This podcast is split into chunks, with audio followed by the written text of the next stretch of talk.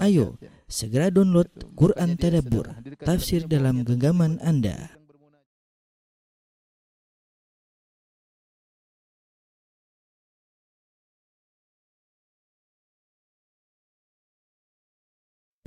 bid'ah hasanah.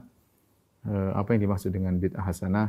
Eh, eh, karena kita dapati sebagian ulama memang mengatakan ada bid'ah hasanah ya.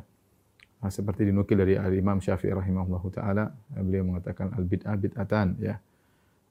bid'ah madmumah wa bid'ah mahmudah ya. Bid'ah ada dua, bid'ah yang tercela dan bid'ah yang terpuji ya. Apa maksud perkataan Imam Syafi'i tersebut? Ini yang perlu kita pelajari ya. Yang kita dapatkan bahwasanya secara umum para ulama terbagi menjadi dua ya. Uh, sebagian mengatakan bid'ah tidak ada yang hasanah, semuanya uh, sesat ya. Yang sebagian ulama mengatakan bid'ah ada bid'ah yang yang hasanah. Nah, bagaimana kita mengkompromikan Eh, dua pendapat ulama tersebut insya Allah akan kita bahas pada kesempatan kali ini ya. Taib. Uh, al bid'ah ya. Uh, secara bahasa ya. Artinya sama dengan sesuatu yang baru. Ya, seperti firman Allah Subhanahu wa taala, badi'us samawati wal ard. Allah yang badi yang menciptakan langit, tidak ada yang tidak ada yang pernah menciptakan langit kecuali Allah Subhanahu wa taala. Seperti firman Allah juga, "Qul ma kuntu bid'an minar rusul." Katakanlah wahai Muhammad, sungguhnya aku bukanlah bid'ah dari para rasul yaitu Rasulullah maksudnya adalah uh, bukan perkara yang baru, sudah ada rasul-rasul sebelum nabi. Maksudnya sudah ada rasul-rasul sebelum Nabi Shallallahu Alaihi Wasallam, sehingga uh, Nabi bukanlah Nabi Shallallahu Alaihi Wasallam bukanlah perkara yang baru. Makanya kata Allah, "Kul ma kuntu bid'an minar rusul." Katakanlah wahai Muhammad, aku ini bukan perkara yang baru. Ya. Uh, adapun secara syar'i, ya, secara istilah, uh, maka di sini kita melihat ada dua metode ulama, ya, dua metode ulama. Ya. Uh, metode yang pertama menganggap menganggap seluruh seluruh perkara agama perkara yang berkaitan dengan agama berkaitan dengan agama yang tidak ada di zaman Nabi.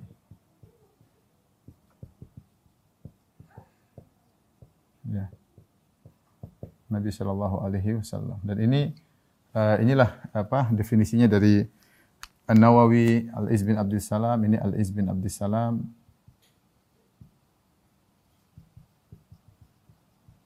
Kemudian juga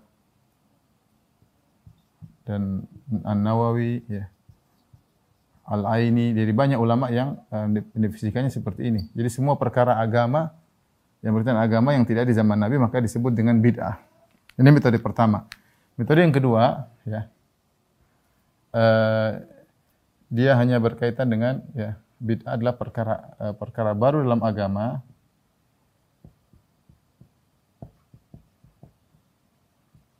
agama namun uh, berkaitan dengan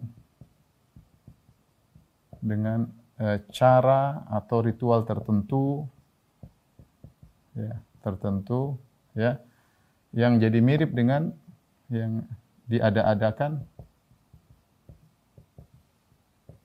sehingga mirip dengan sunnah, dengan ritual sunnah. Eh, di antara yang berpendapat seperti ini, seperti yang definisi yang disampaikan oleh uh, Asy-Syatibi dalam I'tisam ya. Asy-Syatibi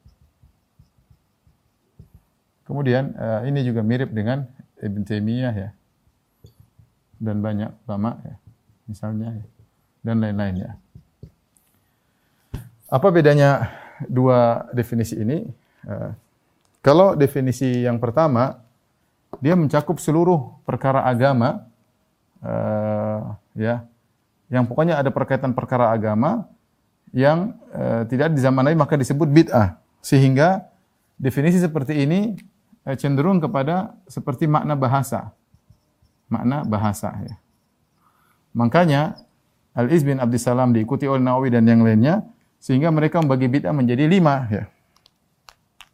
Sehingga karena ini berkaitan pokoknya perkara agama yang tidak di zaman Nabi berkaitan dengan mencakup uh, sarana maupun ritual ya makna bahasa sehingga uh, mencakup sarana dan ritual mencakup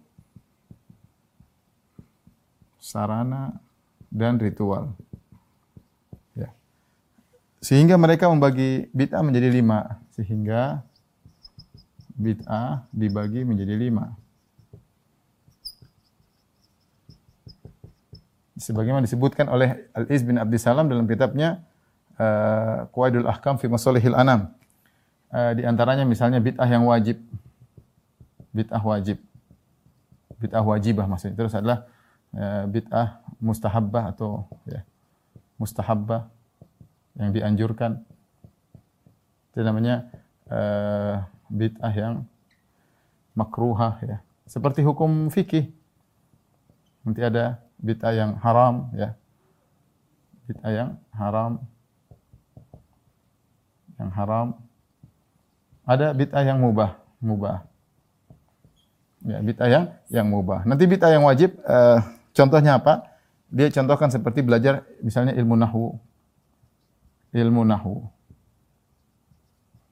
Ilmu nahwu di zaman Nabi tidak ada karena tidak perlu belajar ilmu nahwu. Orang Arab sudah para sahabat semua jago bahasa Arab. Ilmu mustalah hadis nggak perlu. Di zaman Nabi nggak ada. Mustalah hadis. Kenapa tidak ada? Ya para sahabat langsung dengar dari Nabi, nggak perlu periksa sanad, dong sahabat langsung sampai ke Nabi. Jadi nggak perlu belajar mustalah. Mustalah diperlukan zaman sekarang ketika tidak tahu perawinya ini bagaimana ketemu atau tidak, maka perlu belajar mustalah hadis. Ilmu jarah wa ta'dil. Al-jarah wa ta'dil. Ilmu tentang apa? Ilmu tentang kredibilitas perawi. Apakah dia sikoh, apakah dia dhaif, apakah dia kadzab, apakah dia matruk ya. Sehingga diketahui dia mudalis atau bukan, diketahui uh, hadis ini bisa diterima atau tidak. Di zaman Nabi nggak perlu ini semua. Karena sahabat langsung dengar dari Nabi Shallallahu Alaihi Wasallam. Nah, tapi di zaman setelah sahabat, setelah tabiin, ilmu ini wajib. Ilmu ini apa? Uh, uh, wajib ya. Jarah wa ta'dil, kemudian mustalah hadis, misalnya ilmu nahwu ya. Kemudian bid'ah yang dianjurkan bid'ah mustahabah, contohnya misalnya uh, berikan bikin bikin jembatan untuk untuk kegiatan agama misalnya bikin pondok. Zaman Nabi nggak ada pondok. Nah, bikin pondok misalnya ya. Uh, terus apa lagi ya? Misalnya uh, mungkin mengumpulkan Al-Qur'an entah wajib atau mustahabah tapi di antaranya mengumpulkan Al-Qur'an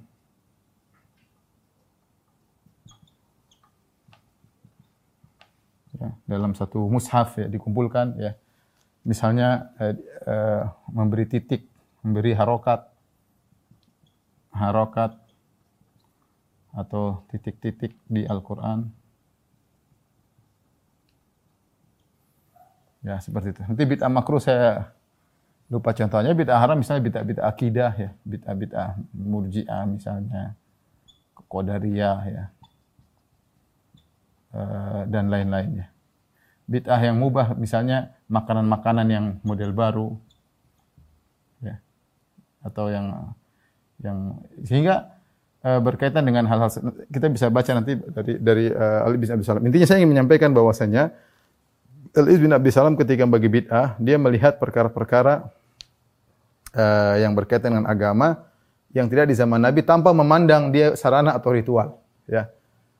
Apa apa dalil mereka? Mereka berdalil dengan perkataan Umar bin Khattab radhiyallahu taala anhu. Ya. Dalilnya dalilnya perkataan Umar. Umar berkata tentang sholat taraweh, uh, nikmatil bid'atu hadhihi. Ya. Kata Umar bin Khattab, sebaik-baik bid'ah adalah ini. Ya. Sebaik-baik bid'ah, bid'ah adalah sholat taraweh. Inilah yang juga dijadikan oleh Imam Syafi'i rahimahullahu taala. Makanya Imam Syafi'i juga mengatakan bid'ah ada dua, bid'ah yang tercela dan bid'ah yang terpuji. Bid'ah yang terpuji Imam Syafi'i berdalil seperti dalam kitabnya eh, dalam kitabnya Al-Baihaqi Manaqib Syafi'i eh, dia berdalil dengan perkataan Umar karena Umar berkata nikmatil bid'atu hadhihi sebaik-baik bid'ah adalah ini berarti adalah bid ada bid'ah yang baik ada bid'ah yang eh, yang buruk. Dari sinilah inilah inilah dalil Imam Syafi'i membagi bid'ah menjadi dua.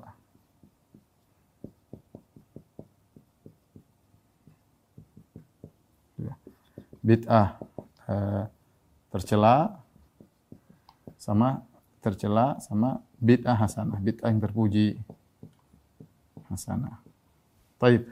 Adapun metode ulama yang satunya seperti disampaikan oleh Syatibi ya dia hanya menuju kepada uh, fokus kepada uh, fokus kepada ritual. Kepada ritual bukan sarana. Ya bukan sarana. Sehingga mereka mengatakan kita kembali kepada hadis Nabi sallallahu alaihi wasallam kullu bid'atin dhalalah. Ya Rasulullah berkata dalam banyak hadis kullu bid'atin dhalalah ya. Semua bid'ah sesat. Tidak ada pengecualian. Ini hadis Nabi wasallam. Mereka menjaga lafal Nabi wasallam. Taib. Terus perkara-perkara yang uh, yang ritual bagaimana? Lantas bagaimana perkata, uh, sarana? Lantas bagaimana perkara sarana? Lantas bagaimana dengan Eh,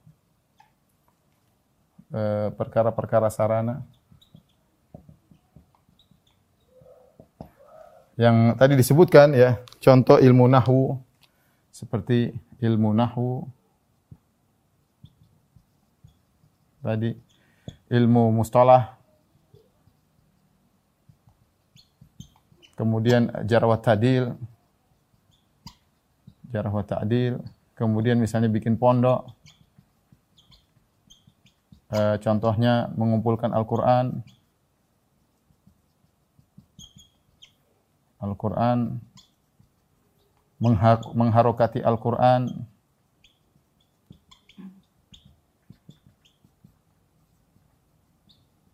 Al-Quran. Ini mereka juga mengatakan ini baik. Mereka setuju. Mereka setuju ini semua perkara baik. Ini semua perkara agama yang baik perkara agama, perkara agama baru yang baik. Tapi ini bukan bid'ah secara syariat. Bukan bid'ah secara syariat. Karena dia bukan ritual. Mereka menamakannya dengan al-maslahah mursalah. Al-maslahah al-mursalah.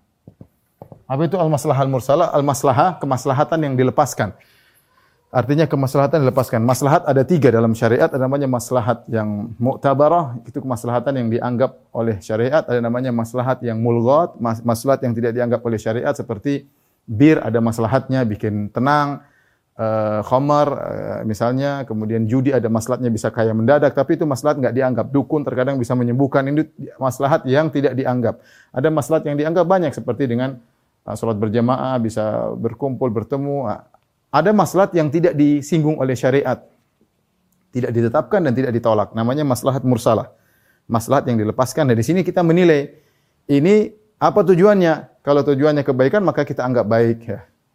Nah ini semua ilmu nahu, ilmu stolah, jarwa ta'dil, bikin pondok. Ini bukan ritual. Dia hanyalah sebagai sarana. Nah bagi kelompok ulama sini menamakan ini dengan bid'ah hasanah. Ya.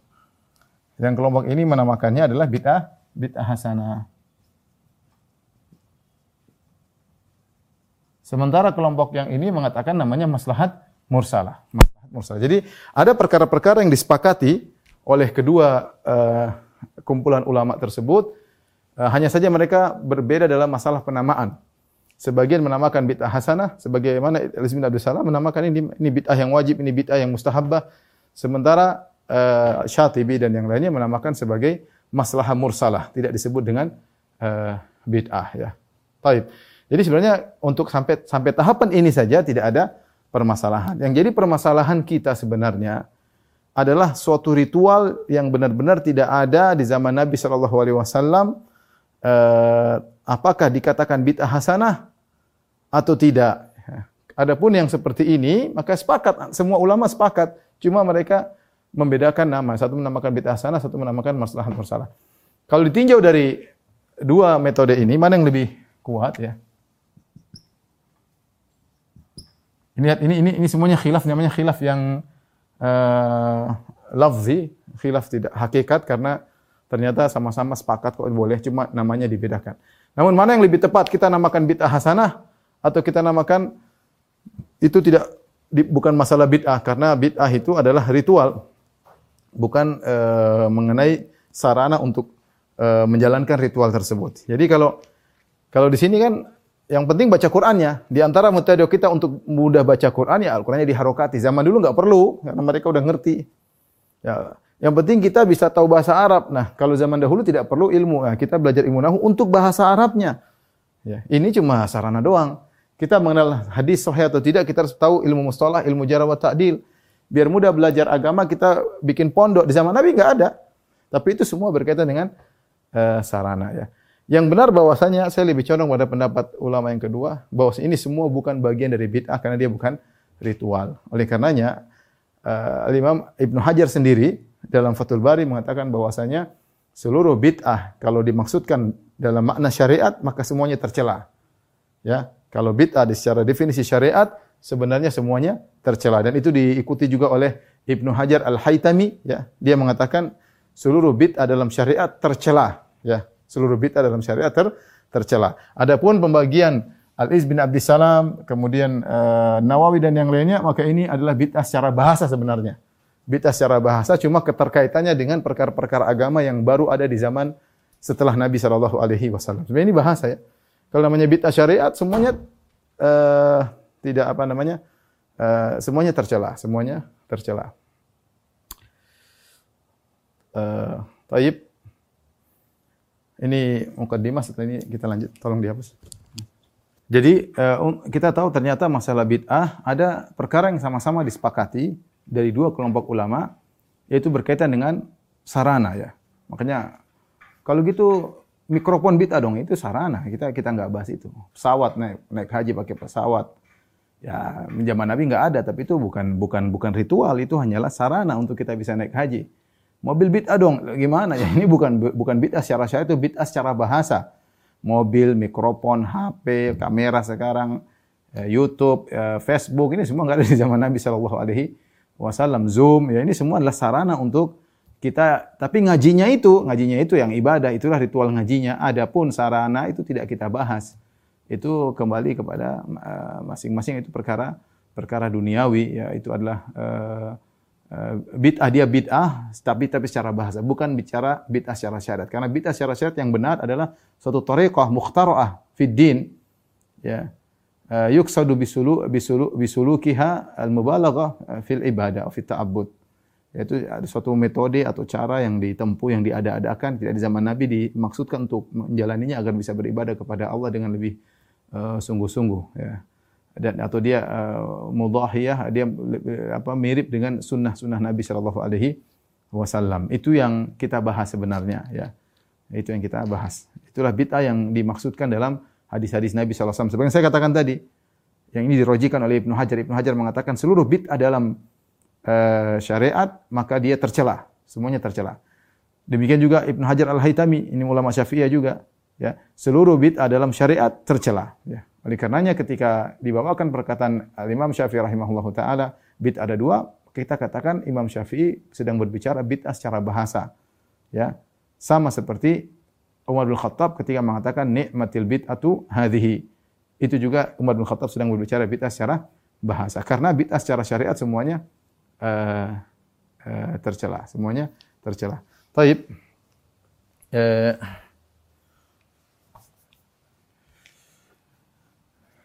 uh, bid'ah semua bid'ah sesat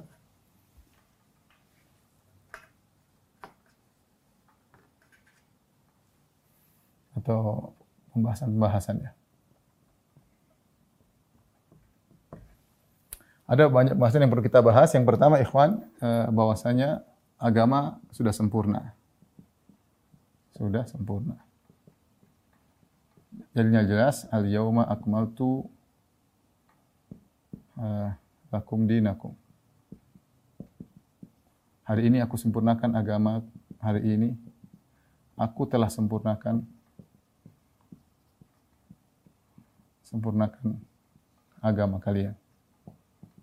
Ya, semuanya sudah dijelaskan. Uh, Oleh karenanya uh, ada seorang Yahudi atau musyrik datang kepada Salman dia mengatakan allamakum nabiyukum kulla syai'in hatta al-qiraah. Nabi mau ngajarin segala sesuatu sampai masalah buang hajat kata Salman ajal benar. Semuanya telah diajarkan ya oleh Nabi sallallahu alaihi uh, wasallam. Semuanya diajarkan. Agama sudah sempurna tidak perlu ada tambahan, tidak perlu ada uh, tambahan. Kemudian yang perlu kita uh, apa namanya uh, yakini juga bahwasanya uh, Nabi telah menyampaikan semuanya.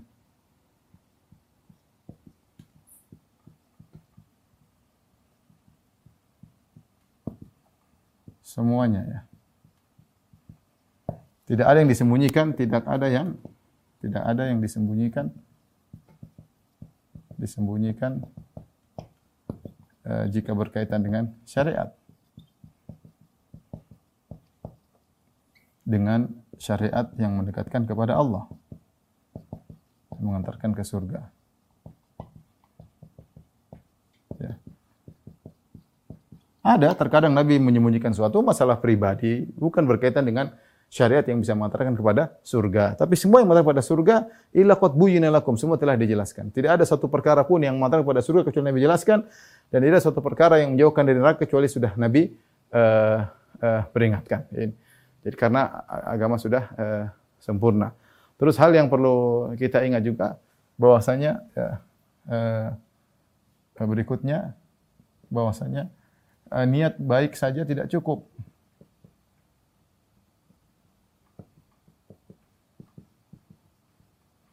Orang punya niat baik saja tidak tidak cukup. Betapa banyak punya niat baik ternyata tidak mendapatinya. Kata berkata Ibnu Mas'ud kam min muridin lil khair lan yusibahu.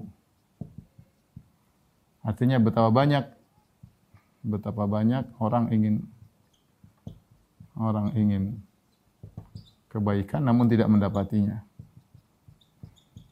Namun tidak mendapatinya. Harus ada aturannya ya. Dan dalil akan hal ini banyak. Cinta eh, contohnya ya contohnya seperti contoh seperti hadis syatuka syatulahmin. Kambingmu kambing daging saja. Hanya kambing hanya eh, kambing daging. Kambing daging bukan kambing korban. Jadi ada seorang sahabat dia uh, berniat ingin uh, dia menyembelih kambing sebelum sholat Id. Kita tahu namanya menyembelih kambing harus setelah sholat Id. Ya, tapi dia menyembelih kambing sebelum sholat Id. Ditanya sama Nabi, kenapa? Dia niatnya baik. Dia mengatakan, saya ingin kambingku yang pertama disembelih. Hatta ut'ima jirani wa ahla baiti. Ya, saya, agar saya segera bisa memberikan makanan kepada niatnya baik. Begitu nyembelih sebelum sholat, begitu habis sholat sudah bisa disantap. Niatnya baik. Niatnya baik, tapi Nabi mengatakan syatuka syatulah min. Kambingmu, kambing uh, biasa, bukan kambing korban. Karena kamu menyelisihi sunnah Nabi Shallallahu Alaihi Wasallam. Kemudian juga contohnya tentang tiga orang yang semangat ibadah. Ya. Ada tiga orang datang kepada istri Nabi SAW bertanya tentang ibadah Nabi. Kemudian Dikabarkan Nabi sholatnya begini, begini. Ka'annahum taqaluha. Menurut mereka, Nabi uh, tidak terlalu banyak ibadahnya. Ya, sementara Nabi kan sudah dijamin masuk Kalau kita belum, kita belum terjamin. Kalau gitu kita harus lebih banyak ibadah daripada Nabi. Ya logika mereka main. Kalau Nabi uh, yang sudah dijamin masuk surga ibadahnya segitu, kita yang banyak dosa harus lebih banyak daripada Nabi. Akhirnya tiga orang ini semangat. Satu mengatakan, ini sa'asum wala uftir. Saya akan puasa setiap hari dan aku tidak akan berbuka. Dan satu mengatakan, uh, aku mulail wala anam. Saya akan solat malam semalam suntuk dan aku tidak tidur. Yang satu mengatakan, saat tazilun nisa aku akan tinggalkan wanita seluruhnya. Saya tidak mau nikah. Nikah bikin masalah, bikin ganggu, kita nggak bisa ibadah. Akhirnya Nabi dengar, jadi mereka punya ide bagus nih, niatnya bagus, idenya bagus, agar bisa ibadah sebanyak-banyaknya. Apakah Nabi mengatakan, oh kamu yang bilang ini, semangat, ayo semangat. Kamu yang tidak mau nikah karena mau ibadah, ayo semangat. Nabi tidak begitu, Nabi tegur satu-satu, Nabi bantu satu-satu. Siapa tadi yang bilang begini-begini? Fa inni akhsyakum lillah wa atqakum. Aku lebih bertakwa kepada Allah daripada kalian, aku lebih takut kepada Allah daripada kalian. Tapi aku salat malam, aku tidur. Aku puasa, aku berbuka dan aku menikahi para wanita. Faman raghiba an sunnati falaysa minni. Barang saya benci dengan sunnahku bukan dari golongan. Ini contoh Nabi bahwa ini tiga orang niatnya baik tapi Nabi tidak terima. Ya, Nabi tidak terima tidak sesuai dengan sunnah Nabi sallallahu alaihi wasallam. Idenya bagus tapi tidak terima. Sama ini juga pertama idenya bagus. Eh, berikutnya contoh eh, perkataan Anas eh, apa namanya? para sahabat tidak berdiri jika Nabi lewat. Sallallahu alaihi wasallam. Kata Anas bin Malik, "Maka ana ahadun ahabba ilaihi min Rasulullah sallallahu wa kanu idza ra'ahu lam yakumu lima ya'lamuna min karahatihi lidzalik." Adalah uh, para sahabat tidak ada yang paling mereka cintai seperti Nabi sallallahu alaihi wasallam. Tetapi kalau Nabi datang mereka tidak berdiri, suruh Nabi lewat gitu enggak. Ya. Kenapa mereka tahu Nabi tidak suka? Ide mereka ada. Idenya bagus kalau kita berdiri kan Nabi senang. Nabi senang, tapi mereka timbang ide mereka tersebut dengan hadis Nabi. Ternyata Nabi tidak tidak suka, maka mereka tidak berdiri menyambut Nabi SAW dan itu ide yang bagus, tapi ternyata tidak sesuai dengan uh, sunnah. Kemudian yang sangat jelas adalah uh, uh, apa namanya kisah Ibnu Mas'ud dalam riwayat Darimi. Ya. Kisah Ibnu Mas'ud radhiyallahu anhu bersama orang-orang yang berzikir berjamaah. yang berzikir berjamaah. Ketika dia datang ke masjid, tahu-tahu ada orang-orang sedang berzikir, satu orang memimpin. Halilu mi'ah, ayo bertahlil satu kali. La ilaha illallah, la ilaha illallah rame. Terus kabbiru mi'ah, bertakbir satu kali. Allahu akbar, Allahu akbar, Allahu akbar. Ibnu Mas'ud tegur. Ya. Kata Ibnu Mas'ud, uddu sayyiatikum. Daripada kalian begini, mending kalian hitung dosa-dosa kalian.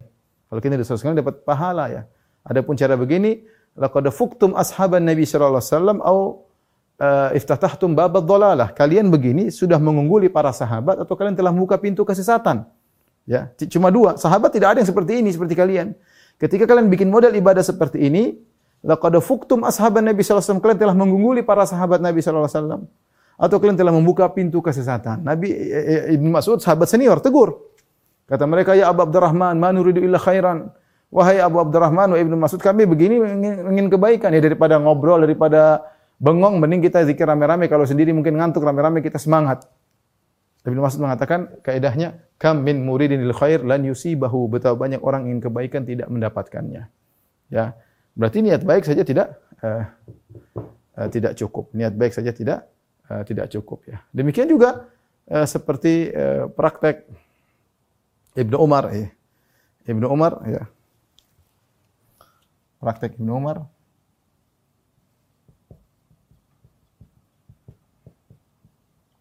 Ya, ya. Ibnu Umar jadi ada orang ketika bersolawat, eh, ketika bersin dia bilang alhamdulillah, kemudian dia mengatakan wassalamu ala rasulillah. Jadi setelah dia bersin, dia mengucap assalamu ala rasulillah. Jadi tambahan bagus kan kalau kita bersin kita bersolawat assalatu wassalamu ala rasulillah. Tapi Ibnu Umar tegur ya, tidak boleh. Ya. Bersolawat itu bagus, tapi jangan dijadikan zikir bersin. Jangan dijadikan zikir bersin. Ya. Tidak boleh. Ya. Ustadz kan salawat bagus. Iya salawat bagus. Tapi jangan kau bikin zikir bersin. Yang ada kalau kita bersin cuma bilang Alhamdulillah atau Alhamdulillah Rabbil Alamin. Cukup. Jangan kita, hacim, Alhamdulillah Rabbil Alamin, assalatu wassalamu ala Rasulillah. Enggak boleh. Yang menegur siapa Ibnu Umar. Karena itu tidak pernah contoh oleh Nabi SAW. Mau bikin syariat baru. Ya. Tapi bagaimana kalau ada orang bersin, hacim, Alhamdulillah rabbil alamin arrahmanir rahim maliki yaumiddin. Iyyaka na'budu wa iyyaka nasta'in ihdinas siratal mustaqim. Kita enggak boleh. Eh, ini Al-Fatihah kan enggak boleh. Enggak boleh baca Al-Fatihah. Bukan, bukannya tidak boleh, boleh, tapi jangan kau jadikan zikir rangkaian apa? Bersin. Ya. Baik. Uh, niat baik saja tidak cukup. Uh, harus ada contohnya, harus ada uh, contohnya. Perkara berikutnya yang ingin saya sampaikan. Seluruh lafal-lafal hadis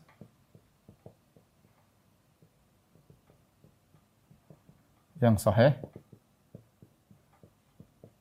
tidak ada uh, tidak ada bid'ah hasanah. Ini uh, apa namanya tidak ada bid'ah hasanah. Di antaranya seperti hadis Jabir bin Abdullah, hadis Jabir ya. Di antara hadis kullu kullu bid'atin dhalalah. Setiap bid'ah seluruh seluruh kullu itu seluruh bid'ah sesat. Wa kullu bid'atin dhalalah wa kullu dhalalatin finnar. Setiap bid'ah sesat, setiap sesat di neraka.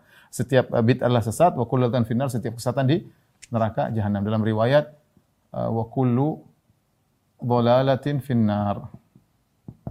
Setiap kesesatan di neraka. Ya. Satunya lagi uh, hadis Irbad bin Sariyah. Ini hadis Jabir. Yang kedua hadis Irbad Jariyah kata Nabi sallallahu alaihi wasallam fa innahu may ya'ish minkum fa sayara ikhtilafan katsira ya fa alaikum bi sunnati wa sunnati rasyidin wa iyyakum wa muhdatsatil umur wa iyyakum wa muhdatsatil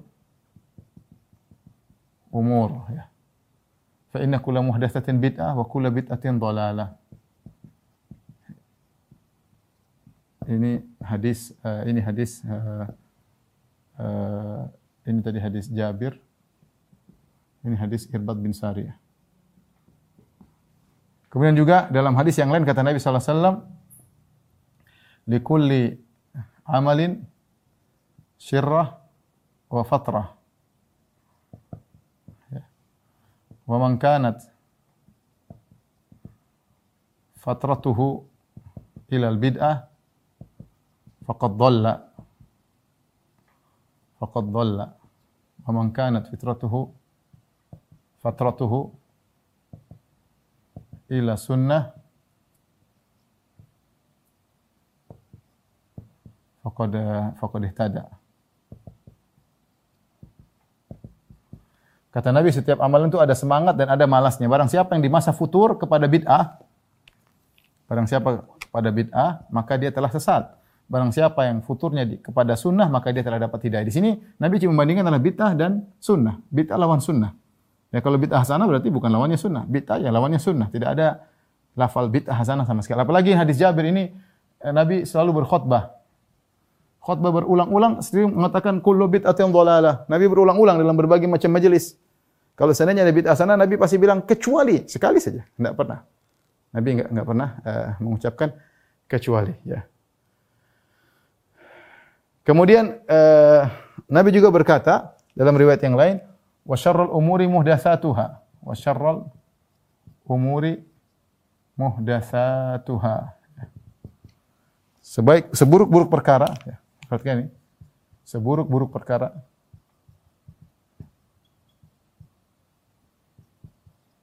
adalah perkara baru dalam agama yang baru dalam agama uh, ketika perkara yang baru dalam agama di sifati dengan syar seburuk-buruk berarti semuanya buruk ya. Semuanya buruk ya. Dikatakan seburuk-buruk perkara adalah yang baru dalam agama. Berarti semua perkara baru dalam agama buruk, nggak ada yang nggak ada yang nggak buruk. Ya, ini jelas. Maksudnya Nabi mengatakan wasyarrul umuri muhdatsatu. Sebaik seburuk-buruk perkara, perkara-perkara baru dalam agama. Berarti semua perkara baru buruk semua karena syar adalah sifat yang melazimi perkara yang baru tersebut. Ini saya ingin menyampaikan bahwasanya lafal Nabi jelas kullu bid'atin dhalar semua bid'ah adalah uh, sesat. Kemudian uh, demikian juga lafal-lafal dari para sahabat. Tidak ada juga lafal bid'ah hasanah kecuali Umar. Umar mensifati uh, Umar mensifati uh, salat tarawih ya, beliau mengatakan nikmatil bid'atu hadhihi berkaitan dengan bid'ah secara bahasa. Nanti yang kita jelaskan ya. Ibnu Umar mengatakan Ibnu Umar ya. Kullu bid'atin dhalalah wa in ru'aha an-nasu. Kata Ibnu Umar, semua bid'ah buruk meskipun orang mandangnya baik. Ini Ibnu Umar. Kemudian Ibnu Mas'ud. Ibnu Mas'ud mengatakan, "Ittabi'u wa tabtadi'u." Ibtadi'u uh, ittabi'u wa tabtadi'u. Wa qad kufitum. Ya. Ittabi'u wa la tabtadi'u wa qad kufitum wa bid'atin dhalalah. Ikutlah sunnah, jangan bikin perkara yang baru. Kalian sudah dicukupkan, nggak perlu perkara yang baru dan setiap bid adalah seluruh bid adalah sesat. Jadi dari hafal-hafal Nabi semua bid sesat, dari para sahabat juga uh, prakteknya adalah hafalnya semua uh, sesat ya.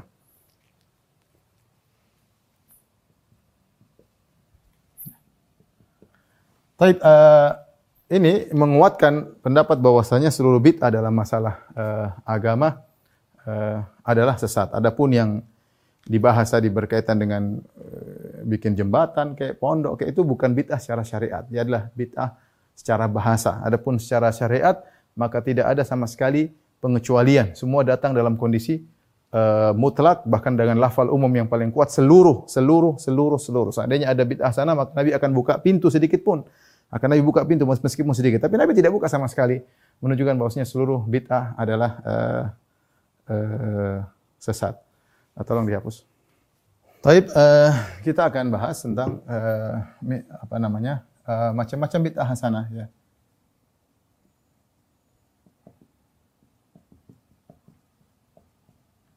Macam-macam bid'ah. Semua bid'ah Ingat ya, semua pelaku bid'ah pasti menganggap bid'ah hasanah. Enggak ada pelaku bid'ah mengatakan bid'ah sesat. Semua pelaku bid'ah menganggap bid'ah hasanah. Semua pelaku bid'ah tidak ada yang menganggap kita bid'ahnya sesat. Enggak mungkin. Mau bid'ah apa pun pasti dia bilang mau Syiah, mau Rafidhah, mau uh, Khawarij semua bilang bid'ah hasanah. Macam-macam bid'ah uh, di antaranya uh, kreasi dari awalnya ya. Memang uh, kreasi dari awalnya. dari asalnya bukan dari asalnya. Dari bukan bid'ah idhofiyah tapi kreasi dari asalnya ya. Contohnya misalnya apa? Orang bilang ada tapi salat misalnya salat birrul walidain ya. Ini enggak tahu apa saya juga enggak tahu ini apa ya. Orang namakan salat birrul uh, walidain ya. Ini sama sekali kreasi baru benar-benar tidak ada asalnya kemudian dibuat-buat ya. Uh, contohnya misalnya uh, salat rogoib. Dikatakan bid'ah oleh Nawawi, dikatakan bid'ah oleh Ali bin Abdissalam, yaitu sholat 12 rakaat, 12 rakaat antara maghrib dan isya di malam Jumat pertama. Pertama di bulan Rajab. Di bulan Rajab. Contohnya salat nisfu Sya'ban, salat malam nisfu Sya'ban. Nisfu Sya'ban uh, dengan jumlah rakaat 100, dengan jumlah 100 rakaat. Ya kalau orang salat malam biasa enggak apa-apa, tapi dibuat ritual 100 rakaat ini benar-benar enggak ada enggak eh, ada eh, benar-benar benar-benar ini baru dibikin kreasi baru. Sama sekali ini ritual benar-benar uh, baru. Sekarang misalnya kita dengar ada namanya uh, sholat Rebu Wakasan. Ya apa itu? Rebu Wakasan. Ya sholat hari Rabu Rabu. Kapan gitu untuk menolak bala. ya. Dianggap hari Rabu hari Rabu hari Rabu sial ya. Sini adalah sholat bid'ah dibangun di atas tatoyur. Ini juga tidak pernah di sama sekali. Ada juga misalnya uh, bid'ah dalam bentuk uh, tambahan. Tambahan kepada yang kepada yang syar'i. Ya, misalnya azan. Azannya Syiah. Asyhadu alla ilaha illallah, asyhadu asyhadu anna Muhammadan wa asyhadu anna aliyan waliyullah. Dan aku bersaksi bahwasanya Ali adalah wali Allah. Ini tak azannya Syiah. Atau azan yang baru-baru muncul, azan baru. Azan baru Indonesia. Hayya alal jihad. Ini juga tambahan baru dalam azan ya. Ini azan syariatkan Tapi ditambah dalam azan tersebut hayya alal hayya alal jihad ya. Ini dari mana ya? Ayo menuju kepada jihad. Ini contohnya sudah ada ibadahnya tapi uh, uh, ditambah-tambahkan ya. Ditambah-tambahkan. Ini uh, terkadang juga ada yang dirubah ya, dirubah atau dimodif ya. Dirubah aturannya. Uh, seperti khutbah Id Id baru sholat. Ini contoh, ya, masalahnya di, eh, dirubah. Khutbah itu harusnya sholat dulu baru khutbah, tapi mereka rubah khutbah dulu baru sholat sholat id. Ini uh, ada pengurangan ya, pengurangan seperti ya, ya seperti menjadikan lafal zikir ya Allah Allah saja Allah terus diulang-ulang atau lebih lebih lagi zikir hu hu hu hu ya. Hu huwa huwa hu hu hu hu. Ini dikurangi ya. Dikurangi ya. ini zikir. La ilaha illallah zikir. Allahu akbar zikir. Tapi Allah Allah Allah Allah Allah Allah terus ya. Ini tidak uh, pernah dicontohkan oleh uh, asalnya dia adalah ibadah yang jelas. Zikir dengan menyebut nama Allah ibadah. Tapi ketika dikurangi jadi gitu aja jadi jadi permasalahan. Taib. Uh, kita bahas berikutnya tentang uh, konsekuensi uh, bid'ah ya. Konsekuensi bid'ah uh, berarti uh, agama belum sempurna. Belum sempurna. Kita tidak bicara ritual ya, kita bicara tentang ibadah baru yang Nabi tidak pernah kerjakan, para sahabat tidak kerjakan, berarti agama belum sempurna ya. Baru sempurna makanya perlu disempurnakan dengan ibadah baru. Karenanya perlu disempurnakan dengan ritual baru. Ini yang pertama. Kemudian uh, yang kedua uh, konsekuensinya Nabi Shallallahu Alaihi Wasallam menyembunyikan syariat. Ini perkataan Imam Malik ya, dinukil oleh Ibnu Hazm. Man za'ama anna Muhammadan uh, man, man, man istahsana bid'atan faqad za'ama anna Muhammadan khana risalah. Kata Imam Malik, siapa yang menganggap ada suatu bid'ah yang baru, maka dia telah menuduh Nabi Muhammad telah mengkhianati risalah. Berarti ada yang disembunyikan. Ada yang disembunyikan. Taib. Kita tanya sama orang melakukan bid'ah, pertanyaan. Pertama, Nabi tahu nggak bid'ah yang kau lakukan? Nabi SAW dan sahabat tahu atau tidak? Tahu atau tidak? Atau pertanyaannya begitu ya. Nabi SAW dan sahabat tahu atau tidak bid'ah tersebut. Ada dua kemungkinan, jawabannya dua kemungkinan. Dua kemungkinan. Tahu dan tidak tahu. Tahu atau tidak tahu. Kalau dibilang Nabi tahu, ya repot berarti Nabi menyembunyikan. Berarti Nabi menyembunyikan, berkhianat. Menyembunyikan bid'ah dan tidak memberitahu umatnya.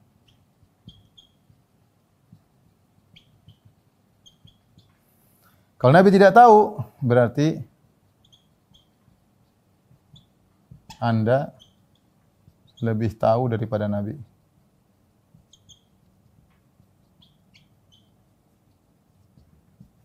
Ini cuma uh, dua kemungkinan ya. Uh, sama agama belum sempurna karenanya perlu disebut dengan ritual baru. Dan ini kesimpulannya, baru sempurna sampai bid'ah penutup. Agama baru sempurna jika telah diciptakan bid'ah hasanah yang paling terakhir. Hasanah yang paling terakhir.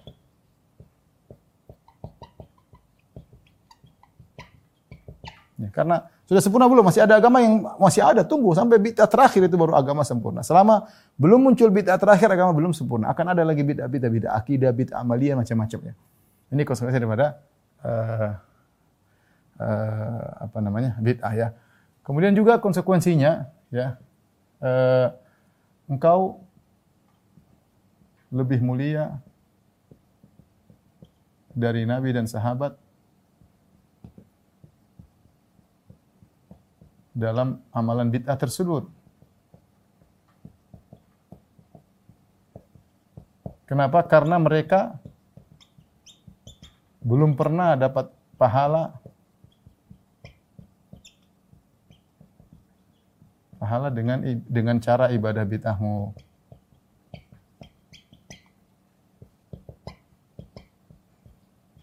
Jelas ya. Berarti ada ada amalan yang seluruh orang tidak tahu, kau munculkan. Berarti mereka dulu semua luput daripada kebaikan tersebut. Kamu yang lebih hebat membuat suatu ibadah baru yang yang tidak pernah dilakukan oleh uh, oleh mereka ya. Kemudian juga kita bilang tadi konsekuensi bid'ah tidak ada bid'ah sahihah kalau begitu. Tidak ada bid'ah yang buruk. Karena semua pelaku bid'ah pelaku bid'ah pasti menganggap bid'ahnya baik. bid'ahnya hasanah. Coba ya. Kalau kita mau bantah orang Syiah misalnya. Orang Syiah bikin bid'ah ritual mukul-mukul badan 10 Asyura. Eh itu nggak boleh mungkar. Kenapa mungkar? Kenapa kau pukul darah? Ya, saya kan ingin merasakan bagaimana pedihnya Hussein ketika ditikam. Ya repot. Akhirnya kan bid'ah hasanah relatif ya. Karena bid'ah hasanah itu hasanah ini relatif. Menurut kamu baik, menurut dia tidak baik. Menurut dia baik, menurut kamu tidak baik ya. Kalau begitu konsepsinya tidak ada bid'ah dolalah, semua bid'ah hasanah. Ya. Karena kamu tidak tidak bisa kamu jadi standarisasi. Ya. Menurut dia baik, menurut kamu nggak baik, menurut kamu baik, menurut dia nggak baik. Ya kalau gitu gimana? Mau ikut patokan siapa? Ya. Karena eh, semua boleh kreasi, boleh uh, kreasi. Ini konsekuensi daripada uh, uh, bid'ah ya. Sehingga tidak ada namanya bid'ah uh, hasanah. Karena eh, tidak ada bid'ah saja karena semua bid'ah pasti dianggap baik oleh eh, oleh pelakunya ya. Ini di antara uh, konsekuensi uh, kalau seorang melakukan uh, bid'ah ya. Mudah-mudahan bisa di uh, bisa dipahami. Taib, mungkin habis ini kita bahas tentang syubhat ya. Enggak ada waktu.